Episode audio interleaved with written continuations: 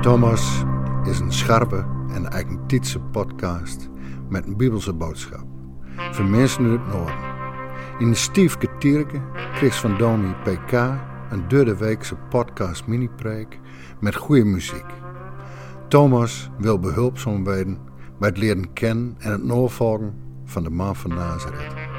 In een tijd dat door Horst droods verwedden moest.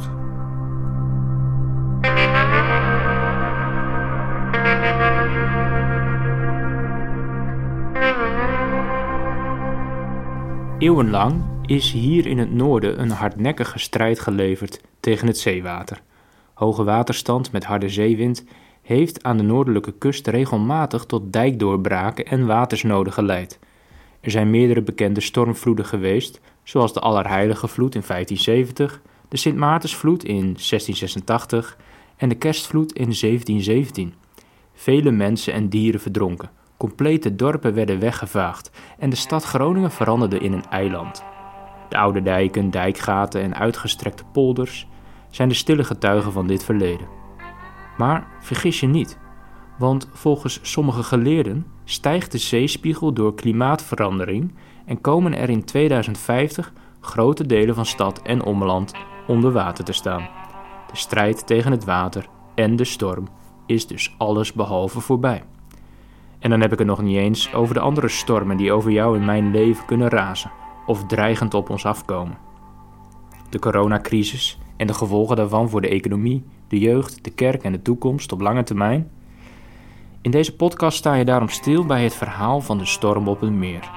Je ziet Jezus van Nazareth rustig slapen in de storm, maar ook streng in gesprek met het water, de wind en zijn leerlingen. Het verhaal vraagt zo van je na te denken wie hij is en of je hem kunt vertrouwen voor, tijdens en na de storm. Het thema bij deze podcast is slapen in de storm.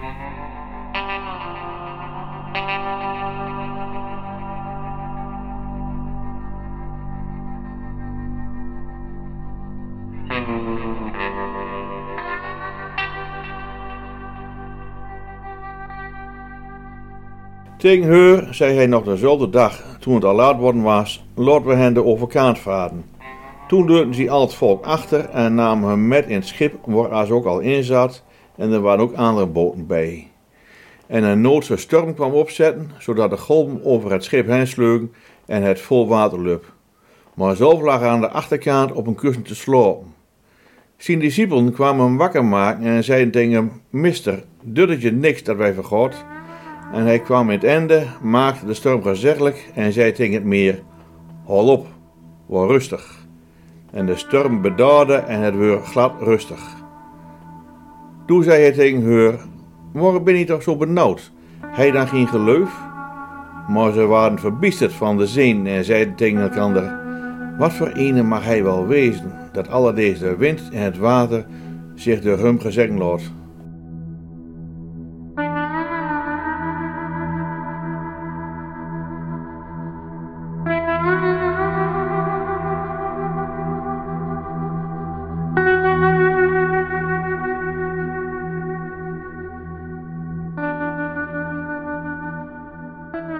Het verhaal van de storm op het nu nog spiegelgladde meer begint niet pas op de avond van het vertrek, maar op het moment dat Jezus besluit om de grote mensenmassa op de oever te onderwijzen vanuit een boot.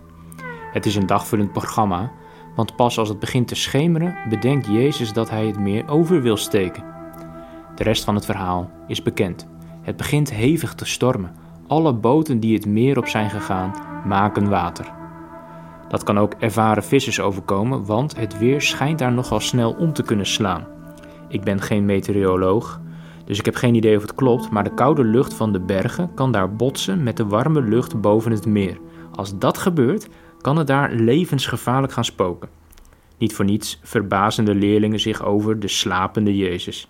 Nergens anders lees je van hem dat hij slaapt, maar nu gek genoeg wel. Snel maken de leerlingen hem wakker. En nog sneller zwijgt de wind en komen de golven tot rust. Jezus spreekt in de geest van zijn vader en in de stijl van Psalm 65 de golven en de wind streng toe. En daarna de leerlingen, vanwege de afwezigheid van moed en vertrouwen. Verbijsterd en nog trillend op hun benen, vragen de leerlingen zich af: wie is deze man?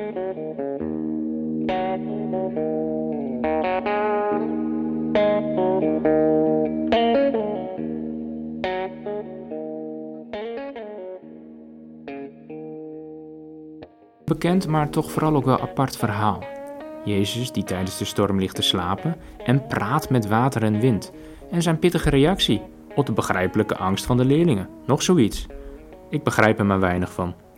Vaak is het verhaal uitgelegd als een wonder om de vervolgde christenen, om de, lezers te bemoedigen.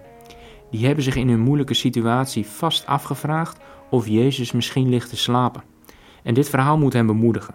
Ook als het stormt, is Jezus erbij. Blijf op Hem vertrouwen. Dat zal ook de reden zijn waarom er in het Evangelie van Marcus meer daden dan woorden van Jezus te vinden zijn.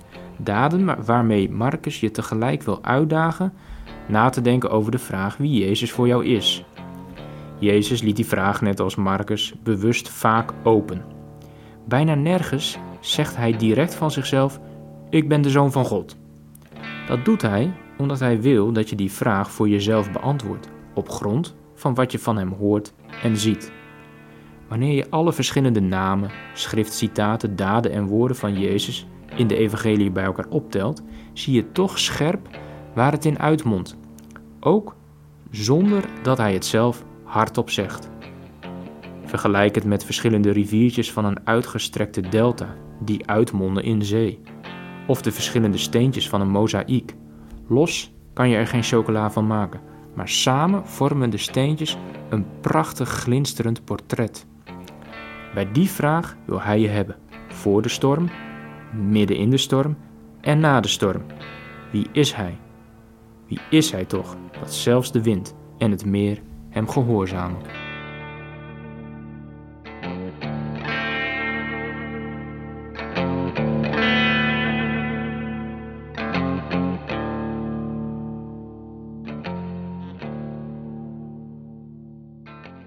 Maar wat moet je vandaag met zo'n verhaal? Natuurlijk, het kan ook vandaag stormen in de kerk, de samenleving en je leven. Wat is het belangrijk om dan niet te vergeten dat God erbij is en betrouwbaar blijft? En tegelijk denk ik dan ook, wat heb je daar dan aan? Als je verdriet hebt om iemand die je verloren bent, als je de hele dag de mantelzorger bent van je man of vrouw, als je in de kracht van je leven al een jaar lang frustrerend moe bent van het coronavirus, heb je er dan wat aan dat Jezus erbij is in de storm? Wat mij dan helpt, is dat die leerlingen en de lezers van toen dit blijkbaar ook niet hadden. Het zijn mensen zoals jij en ik, die niet geloven en vertrouwen op de automatische piloot. En ook dat de stormen bij het volgen van Jezus blijkbaar niet zomaar overwaaien. Dit verhaal staat niet in de Bijbel om je te laten geloven dat vertrouwen voor dummies is. En tegelijk vind ik het dan confronterend dat Jezus zegt: Waar is je geloofsvertrouwen? Waarom lukt het je niet om net als ik te slapen in de storm. Ik ben er toch? Kijk. De wind en het meer gehoorzamen mij. Ik ben en blijf betrouwbaar. Je kunt echt slapen in de storm.